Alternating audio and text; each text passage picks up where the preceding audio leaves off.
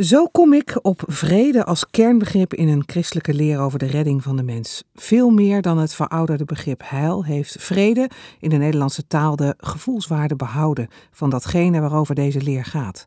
Heil in christelijke zin gaat over de manier waarop God vrede realiseert en ons opneemt in die vrede. Gods missie is gericht op shalom, op een schepping die volledig en harmonisch tot bloei is gekomen.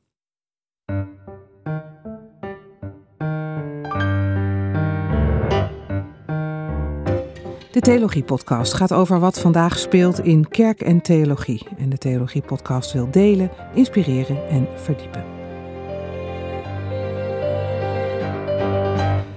Stefan Paas is hoogleraar missiologie aan de faculteit Religie en Theologie van de Vrije Universiteit en aan de Theologische Universiteit in Kampen. Hij is ook nog bijzonder hoogleraar missiologie in uh, Zuid-Afrika. Hij publiceerde eerder boeken als De Werkers van het Laatste Uur, Vreemdelingen en Priesters, Christelijke Missie in een postchristelijke omgeving en diverse boeken met Bijbelstudies. En sinds 2019 is hij, en daar kent u hem natuurlijk allemaal van, vaste gast in de ongelooflijke podcast. En nu ligt er een nieuw lijvig werk. Heil en redding van in deze tijd. Ja, Stefan, had het net voor we begonnen al over dat het een beetje voelt voor jou alsof je je kind naar school brengt en hoopt dat de kinderen op school een beetje lief voor hem zullen zijn. Ja, dat de juf aardig is. Ja. Je moet het uit handen geven. Ja, want je hebt natuurlijk, hoe lang heb je eraan gewerkt aan dit boek? Nou, als je echt kijkt naar het pure keiharde schrijfwerk, acht maanden of zoiets. Oh, dat is maar er kort. Zit, er zit natuurlijk altijd veel meer uh, denkwerk voor, Ja. voor studies, artikelen die je schrijft. Ja. Dus ja, laten we zeggen een jaar of twee. En dan komt het moment dat het op de markt ligt. Ik zag uh, al op Twitter allerlei mensen die het hadden ontvangen. Ja. En schreven, uh, het potlood ligt al klaar. Ja, Word je daar dan blij van? Het klotblokje. Ja. dat roept dus dat soort gevoelens op. Ja. Het is, je bent heel trots dat het kind voor het eerst naar school mag. Ja. Maar uh, een klein beetje angstig ben je ook wel. Ja? Waar ben je dan bang voor? Nou ja, bij, bij recensies of besprekingen of reacties is het nooit zo erg als mensen het niet met je eens zijn. Maar je wil wel graag dat mensen begrijpen wat je aan het doen bent. Ja.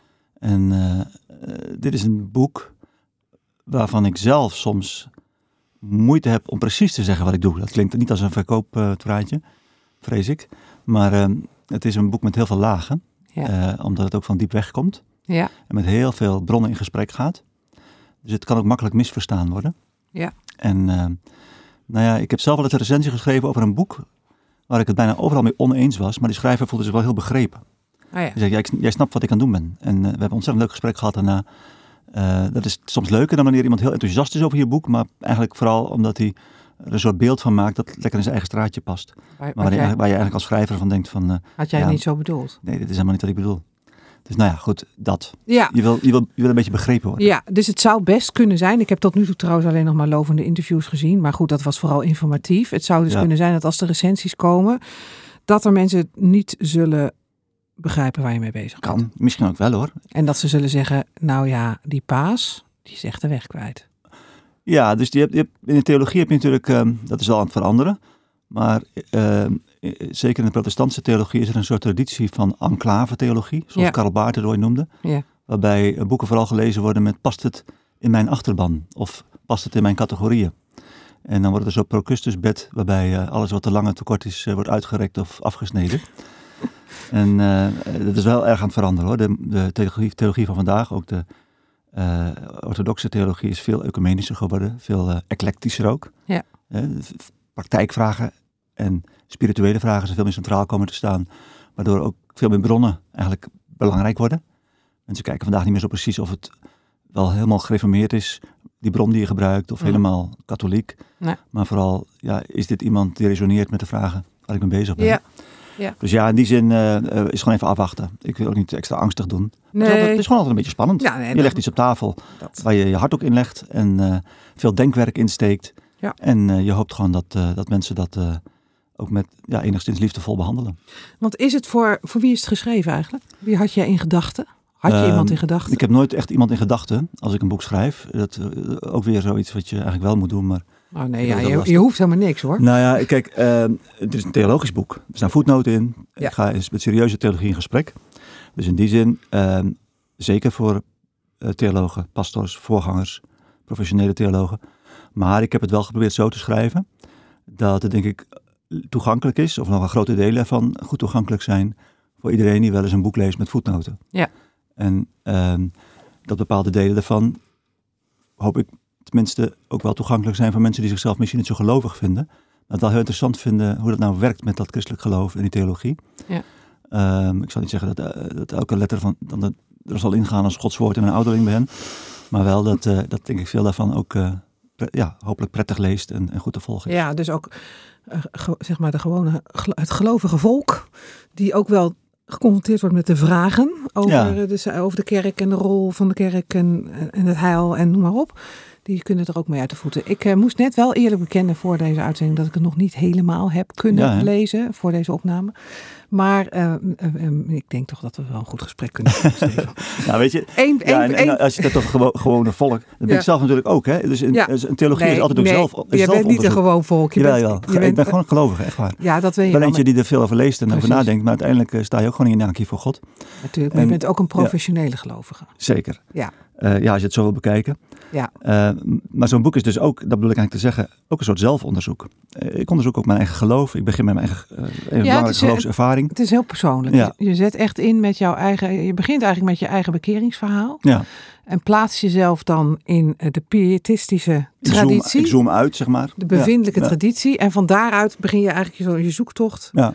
En is eigenlijk de belangrijkste vraag. ehm, ja, dat begrip heil, wat we altijd gebruikt hebben, dat past niet meer in deze tijd. Althans, niemand weet meer waar we het dan over hebben. Ja, maar dat is eigenlijk, dat is in de, in de pers veel opgepikt. En dat is ook wel typisch protestant om het zo op te pikken, van bepaalde woorden doen het niet meer. Nee. Dat is natuurlijk maar één laagje. Ja, en wat zit Eh, daaronder? het gaat natuurlijk om, eh, eh, dat woord heil is inderdaad, dat gebruiken we nog in woorden als heilgymnastiek of zo. En, het is heel ouderwets, Ja, precies. Dat, is, dat heeft met gezondheid te maken. Hè. Dat is heilzaam voor je. Onheil gebruikt, wordt trouwens nog meer gebruikt. Onheilspellend en onheil, gek genoeg. Zegt misschien ook iets over onze cultuur. Maar daar ben ik maar verder niet op ingegaan. Maar ik geloof wel dat het Bijbelse woord vrede. en dat, heeft een, dat komt niet alleen veel meer voor dan, dan het woord soteria, hè, heil. Wordt er ook vaak gebruikt eh, als vertaling ervan. Maar eh, is, eh, omvat eigenlijk alle dimensies ervan. Ja. Van, van verticaal, horizontaal, individueel, collectief. Diep persoonlijk, maar ook maatschappelijk. En is een woord waar mensen zich nog iets, iets bij kunnen voorstellen. Ja. Maar nogmaals, dat is eigenlijk maar een soort conclusie van het boek. Mhm. Ehm, en ehm, het, het, het, het zou voor mijn gevoel ook wel oppervlakkig klinken als mensen daar alleen maar op zoomen van, oh Stefan vervangt een woord. Nee. Ja, daar hoef je niet zo'n boek voor te schrijven. Nee, nee, nou laten we het dan ook eens hebben in de tijd die we hebben in deze podcast over wat dan die onderstroom is. Ja. Die maakt dat jij zegt eh, dat woord heil, dat resoneert in deze tijd niet meer. Ehm, Ja, ja, ja, eh, goed, sorry dat ik je onderbreek. Maar nee, dat wil ik toch even corrigeren. Kijk, heil als woord is één ding. Ja. Natuur, maar natuurlijk vragen mensen nog steeds naar heil. Ja. Wat daar ooit mee bedoeld Mhm, werd. mhm. Ik noem dat dan vrede en de dimensies daarvan. Dat is het punt niet. Hè. De- daar blijven we naar op zoek. Mijn punt is meer dat er een bepaalde eh, theologie van heil, een heel specifieke, die heel dominant is geweest. Die, die, dat protestantse op eh, individuele bekering gefocuste drama. Ehm, dat, wat ik dan noem het pietistisch heilsdrama.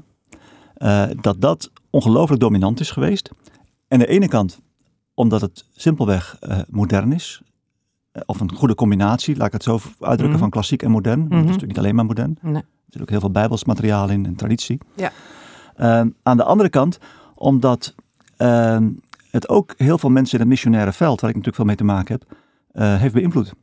En ook in een zekere radeloosheid heeft gebracht. Want ze merken dat dat werkt niet meer zo. Nee. Dat, dat krijg ik niet meer aan de mens gebracht. Nee. En wat krijgen ze dan niet aan de mens gebracht? Ja, het idee dus dat je zondig tegenover God staat, dat jouw ziel verlo- verloren gaat of gered kan worden, dat we naar het laatste oordeel toe gaan en dat eh, alles aankomt eigenlijk op die persoonlijke, eh, die persoonlijke acceptatie van het offer van Christus, en dat, dat soort elementen. Mhm.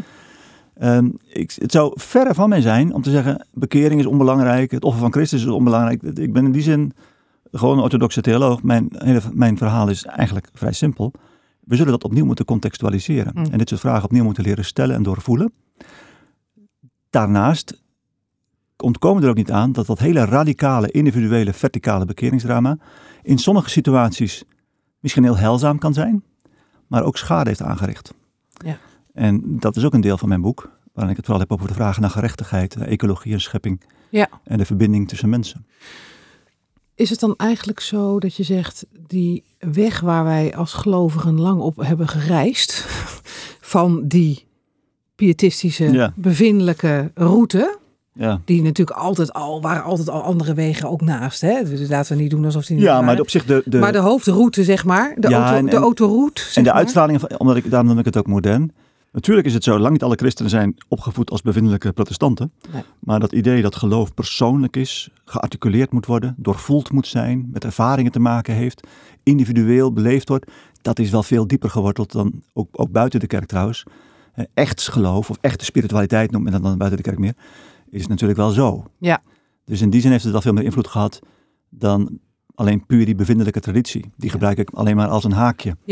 Maar je zegt eigenlijk dus die route, die is dus eigenlijk, eh, daar staat nu een groot hek op. Die is subcultureel geworden. Dat zeg ik eigenlijk. Kijk, dus mijn boek heeft een aantal lijnen, maar een van die lijnen is het, het contextuele. Dus theologie is natuurlijk altijd, komt op, op in een bepaalde cultuur. Mm. Dat vinden we vrij makkelijk om toe te geven als het gaat om Afrikaanse theologie, of Aziatische. Ja, lekker exotisch, hè? Precies. Dat wordt wat lastiger als het onze eigen theologie betreft, maar die is, eh, die is westers-Europees. En ook opgekomen in koloniale rijken.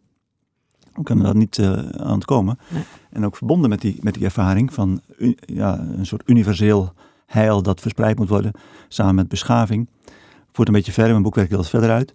Maar ehm, die is geworteld in de nadagen van de christelijke cultuur. Laten we zeggen, die hele opwekkingscultuur die kwam in de 18e eeuw echt tot bloei. Toen er tegelijk ook grote zorgen bestonden over het voortbestaan van de christelijke beschaving. Die, ehm, die werd in het algemeen, dat zie je ook bij de reformatoren, ging men ervan uit dat vorsten, overheden, daar een grote rol in speelden. In de 18e eeuw zie je steeds meer dat mensen zich zorgen gaan maken of dat nog wel gaat gebeuren. Mhm. Door de industriële revolutie raakte volk ook, eh, de hele bevolking raakte ook op drift. Mensen raakten ontworteld uit plattelandsgemeenschappen. Kortom, er stonden grote vragen en zorgen over beginnende secularisatie. Dat zag men gebeuren. Ja. Hoe kon je die christelijke cultuur, die christelijke beschaving voortzetten? Door hem opnieuw te funderen, maar nu in de harten van burgers. Dus er moest eh, een bezielde beschaving. Ik bedoel daar niet mee te zeggen dat, dat het alleen maar instrumenteel was. Men zag dat gewoon als één geheel. Ja. Het ging erom dat het hele christelijk leven, dat kwam tot uitdrukking in die christelijke cultuur van het Westen. En die eh, moest een nieuwe fundering krijgen. En eh, ja, in de opkomende democratie, eh, waar zoek je dat? Natuurlijk in de, in de harten en in de overtuiging In het individu. Ja. Ja. ja, En waarom werkt dat niet meer? Wat is Nou ja, die christelijke beschaving is weggevallen. Die hele vanzelfsprekende omheining ervan is, is zo goed als verdwenen. Heeft zich al teruggetrokken in subculturen. Nee, hier en daar kun je zeggen, in, er zijn nog in Nederland ook nog wel plekken eh, op microniveau. Ja. Bepaalde dorpen, bepaalde plaatsen in de Bijbelbelt misschien. Waar nog wel iets daarvan te vinden is. Een zekere vanzelfsprekende omheining van die bekeringservaring. Ja. Culturele omheining. Maar ehm, zo, ja, het is zo goed als, eh, als overal verdwenen. Plus dat door die subculturalisering ervan. Sorry dat ik technische woorden moet gebruiken. maar maar eh, voor de, door doordat het zo subcultureel is geworden. krijgt het ook een heel andere smaak. Dus in de 18e eeuw, 19e eeuw zie je eigenlijk dat bekering. eh, ja, plaatste je als het ware terug in het hart van de samenleving. Je werd een voortrekker van een christelijke cultuur. Je, er was een soort reddingsoperatie van de beschaving. Hm. Zelfs mensen die niet geloofden, er waren niet zoveel van, maar heel veel mensen die, die evangelicals of die pietisten een beetje eh, merkwaardig volk vonden. Zoals Ja. veel mensen vandaag tegen klimaatactivisten aankijken of Hm. andere progressieve voortrekkers. Ja, dan, zelfs dan kon je nog wel enige sympathie voor hebben. Van nou ja, oké, ze zijn een beetje apart en, en, en je kunt er niet echt mee lachen. Maar eh, ze, hebben, ze hebben wel een punt. niet. Ze hebben een punt. Ja. Vandaag zou je kunnen zeggen, die uitnodiging tot die bekeringservaring is niet zozeer meer dat je teruggeplaatst wordt in het hart van de samenleving en de cultuur. Maar een uitnodiging om kerkelijker te worden. ja, en je bui- eigenlijk ook in zekere zin een beetje buiten die samenleving en cultuur te plaatsen. Nou ja, dat wordt natuurlijk niet zo gezegd, maar dat, beleeft, dat bleef in velen wel zo. Ja. Je, je, gaat, je treedt eigenlijk toe tot een, een, een subcultuur met hele eigen normen, gewoonten, ritmes. Ja. Ook met bepaalde verwachtingen, zoals bijvoorbeeld eh, dat je heel veel met teksten gaat doen. Ja. Wat heel veel mensen vandaag de dag niet zo goed kunnen. Eh, het is een soort, ook een beetje middenklasse cultuur. Ja. Eh, dus dus het, heeft een, het gaat samen met een hele sterke sociologisering en subculturalisering.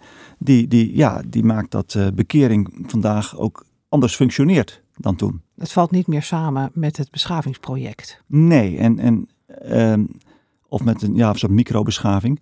Maar het punt is ehm, dat dit bekeringsdrama dus vaak wordt geclaimd als het is universeel, eh, want de, de ziel is overal hetzelfde. Ja, wat ik dus laat zien in mijn boek, dat is niet helemaal zo. Het Nee. resoneert in verschillende culturele omstandigheden en daardoor krijgt het ook een andere smaak en een andere klank voor mensen. Vroeger hoorden mensen het als een uitnodiging om verantwoordelijk burger te worden. Nu horen mensen het als een, eh, eh, als een uitnodiging om toe te treden tot een kerkelijke subcultuur. Ja, ja. Ik, ik zeg het even heel schematisch. Ja, er is nee, natuurlijk nee, meer nee. subtiliteit in mijn boek te vinden. Maar Ah, het zeer veel snel. subtiliteit in je boek te ontwikkelen. Het is ook eigenlijk een soort. Ik had ook al het gevoel af en toe alsof je een soort, als een soort chirurg bezig was om iets bloot te leggen. Ja, Echt zo van alle kanten kijkend. En ja. waar, waar zit het?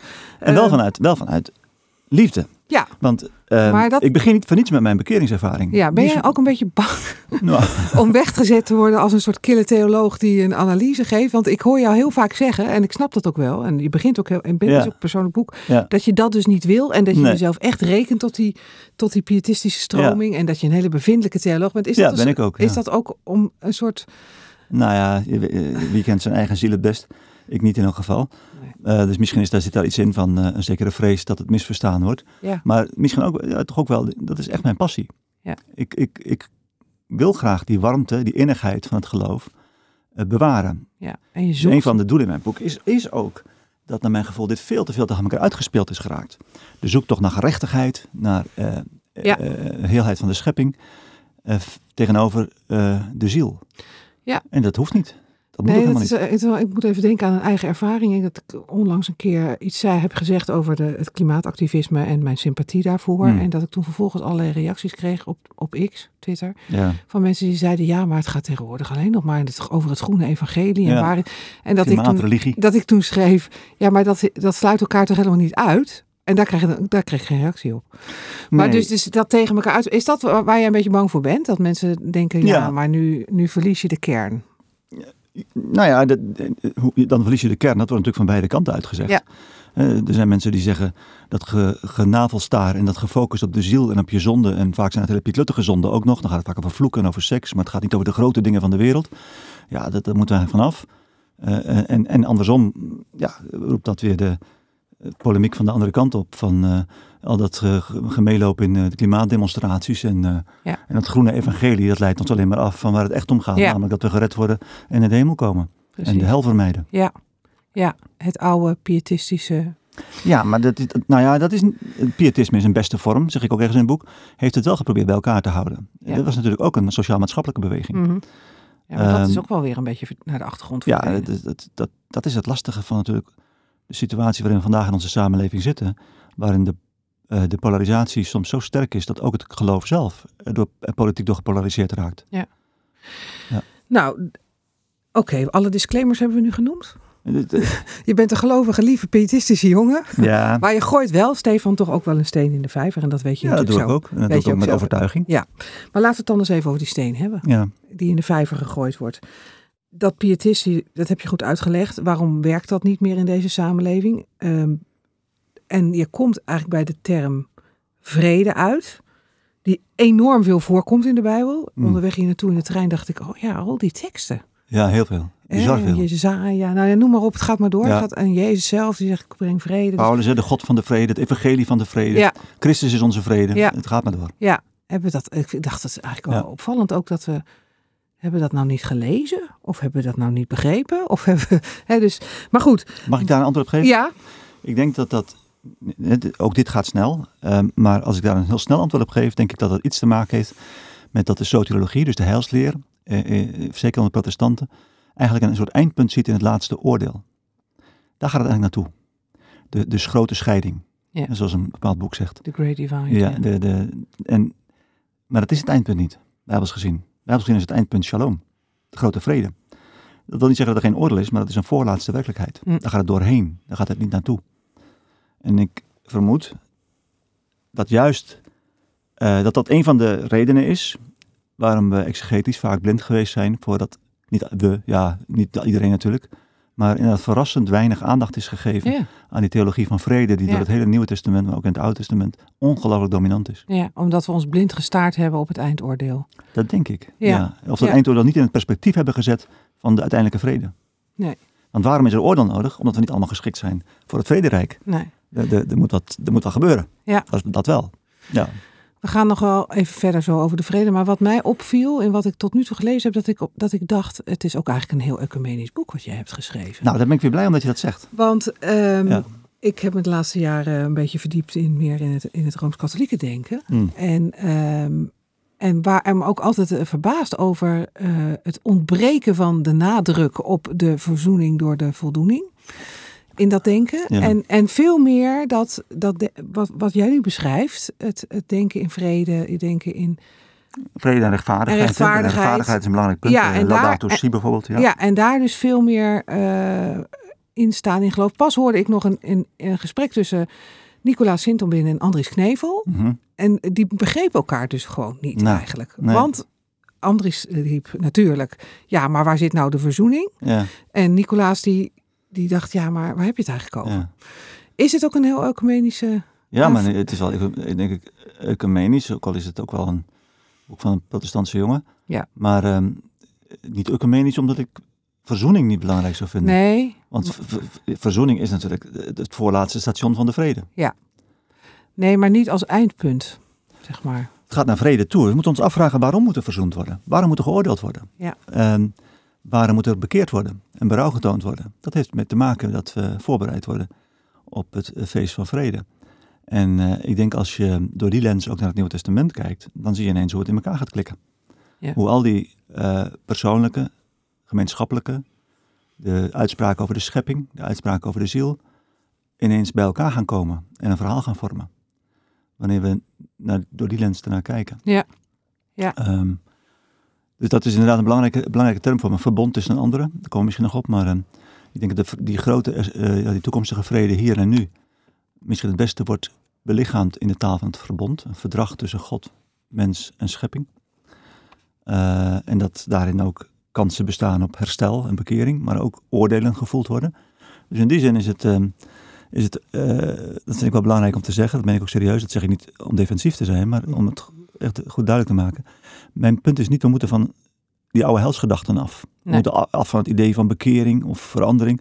Mijn punt is veel meer dat het wantrouwen tegen dat soort termen eh, beïnvloed is, of, of eh, vermoedelijk vooral veroorzaakt wordt, doordat het zo geassocieerd wordt met een individualistisch, wereldvreemd, verticaal verhaal. Ja. Mijn punt is, het moet, midden, het moet midden teruggeplaatst worden in de grote vragen. Eh, Het is versmalt geraakt, zou je kunnen zeggen. ja, ja, dus een, een, een, een heel verticalistisch evangelie gaat erover hoe we uit die wereld getrokken worden. Ik noem het ergens een reddingboot-evangelie. Ehm, we moeten door die wereld heen getrokken worden naar de toekomst. Ja. Dat, is, dat, is, dat is wat anders, maar dat gaat niet buiten persoonlijke verandering om. En, en, en Nee. Eh, ook niet eh, dat je ontdekt wordt aan jezelf en, en je en gaat ontdekken dat je niet zo geschikt bent voor die vrede en al dat. Gooi er nog maar even wat goede bevindelijke termen in, Ja, ja, ja, om dat te laten horen. ja, maar je, je suggereert nu dat, dat, dat ik dat doe uit een soort politiek gevoel. Nee, nee, Dat is- nee. Dat is het echt niet. Nee, nee, dit, is, ik, nee, dit is, ik, dit is ik, mijn taal. ik twijfel niet aan jouw oprechte. Echt, absoluut niet, Steven. Maar ik, vind, ik snap ook tegelijkertijd hoe je moet zoeken ja. eh, naar een manier om, ehm, ja, om dit toch ook recht te blijven doen ja. aan die traditie. Tegelijkertijd ook te benoemen ja. wat er in die traditie eh, niet goed was. En ehm, te zoeken naar.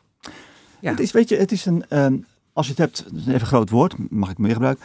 Er is een soort zondeval van het christendom in, in onze laatmoderne cultuur. En dat is die, wat ik net aangaf, dat christenen verdeeld geraakt lijken te zijn tussen mensen die zeggen eh, orthodoxie, dat is dat je het hebt over de ziel en de eeuwige bestemming.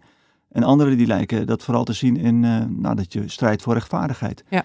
Ik heb nooit begrepen waarom mensen toch uit elkaar willen halen wat God bij elkaar gebracht heeft. Nou ja, je pleit ook in je boek uiteindelijk voor een, eh, een, ruime, een ruime manier van omgaan met eh, wat, hoe God het bedoeld heeft. En dus al die verschillende aspecten waarvan jij nu zegt, ja, Ja. die zijn eigenlijk verdeeld in verschillende kerken en never the twain Ja, shall meet. Dus die zullen elkaar nooit vinden. Ja, En jouw pleidooi is eigenlijk, laat het in de kerk wel gaan, ook over persoonlijke vernieuwing, maar ook over gerechtigheid en ook Mm. over de schepping. En laat het, en benoem al die, ja, al die aspecten. Ja, Ehm. ja, misschien ben ik een idealist hoor. En is het allemaal niet mogelijk. Maar ik, ik hoop en droom van veel meer kerken waar je verrast kunt worden. Waar je niet denkt van oh, dit bordje staat op de gevel, dus dit ga je horen nu. Nee. Maar dat je inderdaad, eh, dat het voluit gaat over eh, sociale gerechtigheid. Dat er mensen zitten die meelopen met klimaatdemonstraties. Maar dat je er ook innige prediking kunt horen waar gezegd wordt, hoe is het met uw ziel gesteld? Ja. Ehm, en, en laat dat maar lekker bij elkaar komen. Ja. En, en, en dat is volgens mij de volle rijkdom en de dikte en de rommeligheid van het evangelie in een wereld als deze. Ja, ja en rommeligheid. Ik denk Ja. dat daar, daar zit waarschijnlijk de moeite voor veel mensen. Vermoedelijk. Wij houden niet van, wij houden van netjes, Daar Stefan. staat die vent nou. Wij willen Ja, graag even dat we ons erfje aan kunnen vegen. En dat we weten, hoe zit het systeem in elkaar. Maar jij zegt dus eigenlijk, dat is het dus gewoon. Ik denk dat dat... Ik heb een benadering van onderop gekozen. Hè, dus je zou kunnen zeggen, een meer klassiek systematisch theologische benadering. Nou, je gaat in een soort theologische helikopter zitten. En gaat erboven zitten, nou, hoe, hoe, hoe, hoe kan ik het zo vertellen dat het klopt, dat het systeem werkt? Ja. Ik bedoel het niet onvriendelijk, dat moet soms ook gewoon gebeuren. Mhm. Je hebt ook kaarten nodig. Mijn benadering is bewust een andere. Meer van onderop, vanuit de ervaring. Dan blijf je dichter bij de ervaring. De prijs die ervoor betaalt is dat het wat minder systematisch en overzichtelijk wordt. Maar vermoedelijk wel dichter bij de geloofservaring van veel christenen. Want ik kan me niet voorstellen dat er mensen zijn die in een klimaatdemonstratie meelopen en die nooit eens zuchten van eh, hoe is het met mijn ziel gesteld? Of, of hoe, waar is God nu? Of die zich nooit diep ontroerd voelen omdat ze zich innig geliefd weten ondanks hun zonde. Ja. En andersom, dat er nooit mensen zijn die zeg maar, in een kerk zitten waar, je, waar het vooral over individuele bekering gaat. En die nooit het is voor de jeuk om te denken, ja maar het kan toch ook niet zo zijn dat mijn voorouders, die we nu allemaal, die goede protestantse voorouders, die slaven hadden en die eh, koloniale projecten zegenden, daar, daar moeten we toch ook iets mee. En, en als het gaat om de schepping, dat kan toch ook niet helemaal passeren. Nee. In mijn boek speelt mijn grootvader bijvoorbeeld een grote rol. Die ouderling was in de gereformeerde gemeenten. Dus Ja. nou, veel bevindelijker kun je het niet vinden. Nee, dan. En ook niet veel verticaler vaak. Maar hij was ook een groot natuurliefhebber. Die nam ons mee de, de, de natuur in. Die Hmm. leerde ons ontzettend veel om te zien, om lief te hebben, om te kijken. Ja, dat is ook een beetje een vo- voorbeeld voor me. Ja. En, en ik kon ook nog prachtig vertellen. Dus eh, ja. Is daarom je boek ook opgedragen aan je hond? ja, Als laatste, hè? ja, ja, ja. Precies. Ze speelt een grote rol in het boek. Ja, precies. En jij loopt ook zelf, zoals ik wel weet, vaak eh, Ja. ook door de natuur heen. Ja. Je, zeg je daarmee in feite, ehm, wij moeten ook maar leren leven met de rommeligheid. Ja, dat is het geloof. Het geloof is, mijn gevoel, eh, vanuit het, vanuit onderop, zeg maar, als gelovige. En ik denk dat veel gelovigen zich daarin herkennen. En trouwens denk ik veel mensen überhaupt zich daarin herkennen. Die enig iets hebben met spiritualiteit of geloof. Je, wordt, je, je komt allerlei vragen tegen. Allerlei zorgen, soms ook ervaringen van verdriet of blijdschap. En dan ga je op zoek naar bronnen die je helpen om daar sens van te maken Mm. om dat uit te diepen. En het kan een lied zijn. En dan ga je echt niet eens kijken of het een lied is dat geschreven is door een protestant of door een katholiek. Nee. En, en, en, en, en dat kan een, bijbel, een bijbeltekst of een goede preek of eh, een goed gesprek met een vriendin. Of, dus, dus allerlei bronnen doen dan mee. Mhm. En het is niet zo dat ik in mijn boek zeg, dat betekent dat anything goes. Want we weten ook dat mensen soms dingen als heil presenteren die bepaald onheilvol zijn. Ja. Denk aan een zekere patriarch in Moskou momenteel. Ja, Dus wat dat betreft moeten we natuurlijk ook wel bepaalde nou, grenzen, dat is niet het woord wat ik gebruik, maar je moet wel een soort punt nemen van waaruit je vertrekt. Waar we zeggen, wel christenen eh, zeggen, nou dat is in ieder geval zeker, daar is heil gebeurd. En, Ja. en ik, ik zeg, dat is in het kruis en de opstanding van Christus. Dat is geen verrassende eh, observatie vermoedelijk. Eh, maar Nee, ik zeg, het is gewoon goed om het nog dat even is niet te zozeer benadrukken. een grens die je trekt, dat is meer een lens waardoor je kijkt. Ja. Dat betekent dat je weet waar het begint, waar het helemaal ophoudt, weet je niet altijd. Maar je kunt altijd nog wel zeggen, nou, dat lijkt me nou echt Dat valt geen buiten. heil, hoe, Nee. hoe vroom het zich ook presenteert. Ja, dus dat wordt dan. Ja, maar dat is inderdaad, dat vraagt een voortdurende afweging. En het is niet meer een soort systeem waar je je in kan verschansen. En Dat nee, is, en dat eh, laatste, dat is een heel belangrijk woord. Want als ik zou zeggen, wat is nou een theologisch criterium of een lens waardoor je kijkt naar wat is heil in christelijke zin, dan heeft dat veel te maken met waar zelfhandhaving sneuvelt. Waar we kwetsbaar worden. En eh, op dode plaatsen komen, zoals ik het woord gebruik. Want dat is eigenlijk, ja, dat is, als je begint met kruis en opstanding. Christus was dood. En toen kwam God in het graf binnen. Ja. En kuste hem tot leven. Ja. Daar, daar is waar eh, het diepste geheim begint. Ja. En mijn voorstel is, in navolging van iemand als Andrew Root, Ja. een eh, praktisch theoloog die ook wel aan de weg timmert, Nogal. laten we dat nou nemen als, als lens waardoorheen we kijken naar heilservaringen. Dan, dan weet je nog steeds niet, dan kun je niet altijd precies zeggen dit wel, dat niet. Nee. Maar je hebt wel een soort, je ontwikkelt een soort gevoeligheid. Een sensitiviteit voor eh, waar is het te vinden en waar niet. En ik zou zeggen, het is vooral daar te vinden, wat ik net al aangaf, waar we met onszelf in de knoop raken, waar we vastlopen in onszelf. En waar we gaan hunkeren naar een woord van de andere kant. Een verlossing van de andere kant. En waar gebeurt dat? Ik zou zeggen, dat gebeurt met name, bij uitstek, in de zoektocht naar gerechtigheid. Mm. Naar ehm, verbinding met elkaar. En naar de heelheid van de schepping. Ja, ja, ja. Dus daar komt de ziel volop aan bod. Ja. Je begint je boek ook eh, met je eigen verhaal, maar Ja. je hebt het ook over een jonge man die jij ontmoet. Een eh, student Ja, die altijd ja, heel erg actief is geweest in evangelisatie en ook daar zeer door gedreven was. Maar die op een punt is gekomen en dat ook eerlijk tegen jou zegt van ja, ik, eh, ik weet het helemaal niet meer zo goed. Wat voor, wat voor verhaal heb ik eigenlijk te vertellen? Ja. wat, wat, wat, wat ben ik eigenlijk aan het doen als ik het heb over ja. bekering, kruisopstanding. En, en, en je bedankt hem ook. Je zegt ook, ik weet niet meer wie je was, maar bedankt. is jaren geleden. Ik het heeft mij wel geholpen om dit... Wat voor, hè, als hij dan weer de straat op zou gaan, nou ja, of gewoon in de ontmoeting met zijn medestudenten. Als hij nou jouw boek gelezen heeft, ehm, wat heeft hij dan voor een bagage gekregen? Wat maakt dat hij weer Ja. enthousiast wordt om wel met zijn medestudenten over Ja. zijn geloof te spreken? Ja, nou ja, ik wil niet de grote conclusie trekken uit één gesprek. Dus ik, ik, Nee. ik kan niet helemaal analyseren hoe, hoe Nee, maar hij staat hem. natuurlijk wel echt Maar voor. ik denk wel dat de geloofstraditie waaruit hij sprak en waar hij mee in de knoop raakte, een traditie is die je nogal tegenover anderen zet. Eh, die ander is verloren, die moet gered worden. Ja. Ehm, die je ook nogal tegenover de schepping zet. Want uiteindelijk ja, gaat die toch, die gaat eraan. We moeten daar uitgered worden. Ja, de schepping wordt vernieuwd, dus waar maken we ons zorgen Yes. over? Eh, gerechtigheid. Ja, dat, dat is natuurlijk wel belangrijk. Maar zoals ik in mijn boek laat zien, eh, het is ook een traditie die eh, eh, moeiteloos bijvoorbeeld slavernij heeft verdedigd. Want dan konden tenminste zielen gered worden. Hè, doordat zwarte mensen uit Afrika werden gehaald. eh, Uit het heidendom. En ze kregen christenen terug, de wereld. Dus ja, wat is dan een paar jaar van lichamelijke knechting tegenover een geredde ziel? Dus die theologie, ehm, daar raak je mee in de knoop. In een samenleving waarin je merkt dat ja, het missionaire gesprek veel te maken heeft met nederig nabij de ander zijn. Ja. En God het werk laten doen. En, je zegt en- ook eigenlijk, wij moeten een worden een vriendelijke stam Ja, die zich niet ingraaft. ja, dat zou ik zeggen, ja. Ja, Dus het is een beetje een loopgraaftheologie, eh, als je niet uitkijkt. En, nee, want je moet je niet Nee, ingraven. nee, die, die, die, eh, zoals ik bij die student bedoel ik, Ja. daar, daar u mij vast. Ja. Dus mij zou, ik zeg, als je nou een theologie krijgt door dit boek, die je helpt om iets minder oordelend naar mensen te kijken. Iets meer verwachtend. Gewoon, wat gaat God nou doen in zo'n gesprek? Het meer openlaten. Mhm. meer verbinding zoeken, afhankelijker worden. Niet denken van, eh, voor je gesprek begint, dat je bidt, Heer, geef mij de juiste woorden. Maar dat je meer denkt van, Heer, wilt u zichzelf laten zien in dit gesprek? Of Misschien- Heer, help mij om te luisteren. Help me om te luisteren. Ja. Komt u maar. Ja. Eh, dat, is allemaal, eh, dat is allemaal geen raketwetenschap. Maar het punt is dat veel, zeker orthodoxe geloven, zich daar wat ongemakkelijk bij voelen. Want die denken voortdurend aan, ja, maar zeg ik dan wel genoeg? Eh, kop ik hem wel binnen als, als het lukt? Eh, heb ik die ander niet eh, ja, met een kluitje in het riet gestuurd? Dus die, die, er zit er voortdurend dat, dat knagende achter, wat uit een bepaalde theologische eh, mentaliteit komt. Nou, daar probeer ik in een boek wat aan te doen. Ik zeg Mm. tegelijk bij, het zal altijd spannend blijven. Ja. Want getuigen blijft iets spannends. Ik, zou, ik, zou niet, ik zeg niet, stop maar met, met getuigen. Nee. Ik geef ook een voorbeeld in mijn boek van een aantal lieve christenen die ik ontmoet in een missionair project. Die zeggen, ja, die en die mevrouw met wie we te maken hebben, oh, daar geloven we echt dat God daarin werkt. Ik zeg, wat aardig. En ik had net met die vrouw gesproken. En die zei, ik geloof er geen bars van. Ehm, en eh, ik zeg, hebben jullie dat ooit met haar gedeeld? Nee, dat niet. Eh, maar we geloven het wel. En we bidden er ook, is heel fijn.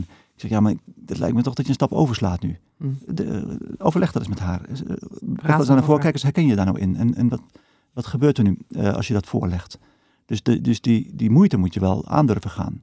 De, de theologie dat God werkt in deze wereld ook zonder ons, wat ik een heel belangrijke vind, is niet een theologie die ons ontslaat van de, eh, van de spannende plicht Nee. soms om bruggen over te steken naar de ander. We kunnen, ja. daar kunnen we niet aan. Maar je zegt in feite ook dan tegen die denkbeeldige jongen die we dan weer even erbij halen, Hmm. die student. Nou, hij is niet denkbeeldig. Nee, hij was echt, het was een mens Ik van vlees en bloed, Ik maar hoop voor hem dat, dat hij er nog is. misschien dat hij Ja. zich herkent en denkt, oh, wat is er allemaal gebeurd? Ja, ja. Maar, wat heb ik ehm, aangericht? Het vraagt een, ja, precies, wat hebben we nou weer? eh, het vraagt ook een enorme kwetsbaarheid hè, van gelovigen. Ja. Als je eh, op, op zo'n manier in gesprek gaat, dat het is, het, het is voorbijgaan aan het eigen gelijk. Nou, dat niet zozeer, maar meer uit het, uit het bastion komen. En Ja. ehm, Kwetsbaarheid en vrijmoedigheid. Dus een kwetsbaarheid die niet geworteld is in onzekerheid, van ik weet ook niet meer wat ik geloof. nee, Maar een, een, een kwetsbaarheid die veel meer geworteld is in de verwachting, in de overtuiging, dat God zich juist daar bewijst. Dat is het veel meer. Ja. En eh, nou ja, dat geeft ook een zekere ontspanning. En jij noemde net ook heel nadrukkelijk, eh, dat vind ik ook een spannende, dat gebeurt vooral op plekken waar het gaat over gerechtigheid en over Ja, klimaat. dat is de steen. Ja, dat is even, dit is, ik wou de steen, haal ik nu weer even uit de vijver. Laten we daar eens even, Stefan, ik leg die steen hier neer. Laten we er eens even naar kijken. Want dat is wel, en dat weet jij natuurlijk ook heel goed, daar gaan, zullen heel veel mensen toch van zeggen, ja, Sommigen, ja. Niet allemaal hoor. Niet Maar, allemaal. eh, nee, maar goed, dat, dat, ik- dat, dat ja. zal wel een punt zijn. Want Ja. waarom gebeurt het nou juist daar? Twee dingen hier. In de eerste plaats heeft het gewoon te maken met dat ik het belangrijk vind om nieuw te leren spreken over berouw en bekering. en ook vergeving en genade in, in de vragen van nu. Ja. Ik denk dat dat, daar hebben we inmiddels wel een beetje over gehad. Een tweede is, is wat, wat diepere laag in het boek, dat ik ook vrees, of eigenlijk wel vermoed, dat veel van de secularisatie van onze cultuur, het gemis aan godservaring, het gemis aan vanzelfsprekende nabijheid van God, iets te maken heeft met onze omgang met de schepping en met de ander. Dat wij niet voor niets leven in de machtigste eh, postkoloniale rijken ter wereld, waar die vrij massaal, laat ik het maar zo uitdrukken, uit het verbond met God zijn gestapt en het verbond met de schepping en met de naaste. Mm. Ehm, Dat hoort bij elkaar, zeg je. en ik denk inderdaad, dus er wordt, er wordt veel afgeklaagd over de secularisatie in het land, maar je kunt je ook afvragen, wat kunnen wij überhaupt met God in het land? Een God die ons de verantwoording roept. Een God die aan de kant staat van zijn minste kinderen. En, en van zijn zwakste mensen. Mm. En eh, een God die in Genesis 9 een verbond sluit met de dieren. En een Bijbel waarin de, zelfs de bergen en de dieren ons kunnen aanklagen. En denk aan Hosea 4, waar het gaat over mijn eet. Nou, als er iets is wat het kolonialisme heeft gekenmerkt, is het een eh, seriële mijn eet. We hebben zoveel beloften afgelegd aan andere volken die gebroken hebben. Ja. Nou, daar kun je lang verhalen over houden. Maar ergens in onze cultuur is iets afgestorven van die intimiteit met God. Van die nabijheid. Eh, we hebben ons tegenover de wereld, tegenover andere volken, tegenover de schepping opgesteld. Als controleurs, als bezitters. Dat hebben we theologisch ook vaak gerechtvaardigd. ja, want we hebben altijd gezegd dat we goede rentmeesters Ja, waren. er zijn natuurlijk ook tegenstemmen geweest, maar globaal gesproken is Mhm, dat gerechtvaardigd mhm, geworden, ook vanuit de theologie. Een hele dunne bekeringstheologie werkt daar ook goed bij, eerlijk gezegd. Want als je zegt het gaat primair om het, zielen, het redden van zielen en de rest komt vanzelf, ja, dan kun je ook de hele wereld onderwerpen en Ja. knechten en mensen in slavernij houden, want uiteindelijk gaat het om die ziel. Ja. En als je Jezus zal volgen, die, die zegt zoek eerst het koninkrijk van God en zijn gerechtigheid en al het andere zal u gegeven worden, dat is wat lastiger Dat is andersom. als koloniale ideologie. Ja. Ehm, ik wil hier niet te modieus of te links klinken, maar dat, dat is, dat is ehm, denk ik in het hart van de profetische traditie van de Bijbel, ligt daar een enorme aanklacht. Ja. En ook een mogelijkheid van herstel. Dus de reden waarom ik zo inzet op die twee is niet omdat ik een soort abstract thema van gerechtigheid wil introduceren of nog eens met de zweep eroverheen wil. Maar ook mensen wil uitnodigen dat juist in de nabijheid tot de ander en ook de ander die we onrecht hebben aangedaan, ook ruimte ontstaat voor God om binnen te komen Hm. en voor genezing van onze ziel. Eh, hetzelfde geldt denk ik voor de schepping. Ik heb mijn hoofdstuk over de schepping ook bewust geschreven, op wat meditatieve toon soms, waarin ik ook probeer er iets van over te brengen van, als je nou met je hond in de wereld loopt en mij met over dat God de wereld ziet, niet alleen door mijn ogen, maar ook door de neus van een hond, door de elektroreceptoren van haaien en roggen, door eh, de scherpe ogen van een adelaar. Dus de enorme rijkdom van de schepping, dat we die eigenlijk alleen samen met alle andere levende wezens iets van kunnen bevatten. Ja. Ehm, dus dat de schepping ook een plaats kan zijn. Wat veel, denk ik, heel veel mensen ervaren en intuïtief beamen, Ja. maar theologisch moeilijk taal voor vinden. Nou, je Eh, ziet die beweging wel komen nu. Ja, dat komt meer. Langzamerhand in de Dat, we kerk. deel, ja, dat de schepping deelneemt aan God, hè, welke taal je er maar aan neemt. Ja. Dus dat anders dan hè, dat, dat, God, dat de schepping goddelijk is. Eh, Als Christus is het belangrijk om dat uit elkaar te houden. Maar dat, dat God ontmoet kan worden, zich uitstort in zijn schepping. Ehm, nou, dat is. ehm, en, en ook ja, zich uitstort in de ander die wij onrecht hebben aangedaan. Ook in de stemmen van veel nazaten van, van slaafgemaakten Mm. van geknechte volken. We vinden dat vaak zo bedreigend en dan wordt er eindeloos gediscussieerd. Moeten we excuus aanbieden of, of spijt of eh, krijg je nog geen ja. herstelbetalingen? Ja. Dat is één ding, maar wat veel ernstig, haast nog veel ernstiger is, is dat we op die manier ook God kwijtraken. Dat denk, dat denk ik. Mm. En ehm, Nou, dat blijkt ook wel. ja, dus ik denk dat de grote crisis van onze samenleving, dus de, de- ja, de crisis van het kolonialisme, de crisis van de schepping en ook de crisis van de ziel, dus het gebrek aan zingeving, waar veel mensen over hebben. En waar psychiater en een psychiater een boek over volschrijft. Ja, dat Ehm, zijn de nieuwe die aan- profeten. ja, die zijn aan de wortel verbonden met elkaar. Ja. Dat denk ik. Ja. Dat betekent niet, hè, dat, dat, dat, dat zeg ik ook heel duidelijk in mijn boek. Dat betekent dus niet dat christenen nu triomfantelijk kunnen zeggen: zie je wel, wie God verlaat heeft smart op smart te vrezen. Onze nee, nee, christenen hebben vooraan gestaan vaak. Ja. Die zaten niet op de, op de tribune te kijken hoe de ongelovigen er een potje van maakten. Die waren Dus- actief. Dus, dus dat, dat is een van de missies in mijn boek. We moeten de theologie ook kritisch opnieuw bekijken. Hoe ver die er aan bijgedragen heeft. Ja. Schuldbeleidenis. Bekering begint bij het huis van God. Ja, dat is een grote taak Ja, voor het huis van God. zeker. Maar, Waarvan dat is, dan eh, maar dat is een hoopvolle taak, hè? Maar vervolgens hopen en bidden dat Ja. het die vriendelijke stam gaat worden. Ja, Is dat het vervolg op eh, eh, priesters? eh, vereniging en priesters. ja, Ja, zeker. Ja, dat, eh, dat denk ik wel. Kijk, eh, op, op, ook weer op twee manieren. Eh, in, in mijn boek Vreemden en Priesters zeg ik, eh, de christelijke identiteit is bijna per definitie een minderheidsidentiteit. In dat boek heb ik me minder bezig gehouden met wat voor theologie heeft die. Want het priesterschap is een verbindende taak. Wat voor theologie hoort daarbij? En dit is nu de, de, theologie van... Een vredestheologie, van, van de priesters. En daarnaast is het ook zo, wat is onze redding? Uiteindelijk dat wij priesters worden van de schepping. Dat is onze roeping. En uh, roeping en redding in de Bijbel, dat is eigenlijk hetzelfde. Worden geroepen en daarvoor klaargemaakt. Vrede, roeping, redding. Nou. Dankjewel Stefan. We waren natuurlijk nog lang niet uitgepraat, maar ja, dat is toch wat, uh, wat, dit is wat het is. en uh, ik zou u vooral aanraden om met een potlood in de aanslag hel en redding in deze tijd maar eens tot u te gaan nemen. En zelf te ontdekken wat dat, uh, wat dat doet om zo'n boek te lezen. Wat dat doet met je geloof, met je theologie. Dankjewel Stefan. En alle goeds ook bij, voor jou voor, voor alle gesprekken en alle recensies die nog gaan komen. Dank voor deze gelegenheid. Komt ongetwijfeld goed. Als u nou denkt, ja, interessant, daar wil ik echt meer over lezen, dan uh, kunt u ook even naar www.theologie.nl slash vrede gaan. En op die pagina hebben we een groot aantal actuele artikelen over het thema bij elkaar geplaatst. Kunt u dat mooi vinden. Het is trouwens ook een, sowieso een interessante website, want er staan allemaal blogs, uh, recensies, duizenden artikelen op en die staan allemaal klaar om gelezen te worden. U kunt uh, daar naartoe gaan theologie.nl en één maand gratis alles lezen. Ga dan naar de site, kies lid worden, gebruik de code podcast tijdens de bestelling. Tot ziens op theologie.nl.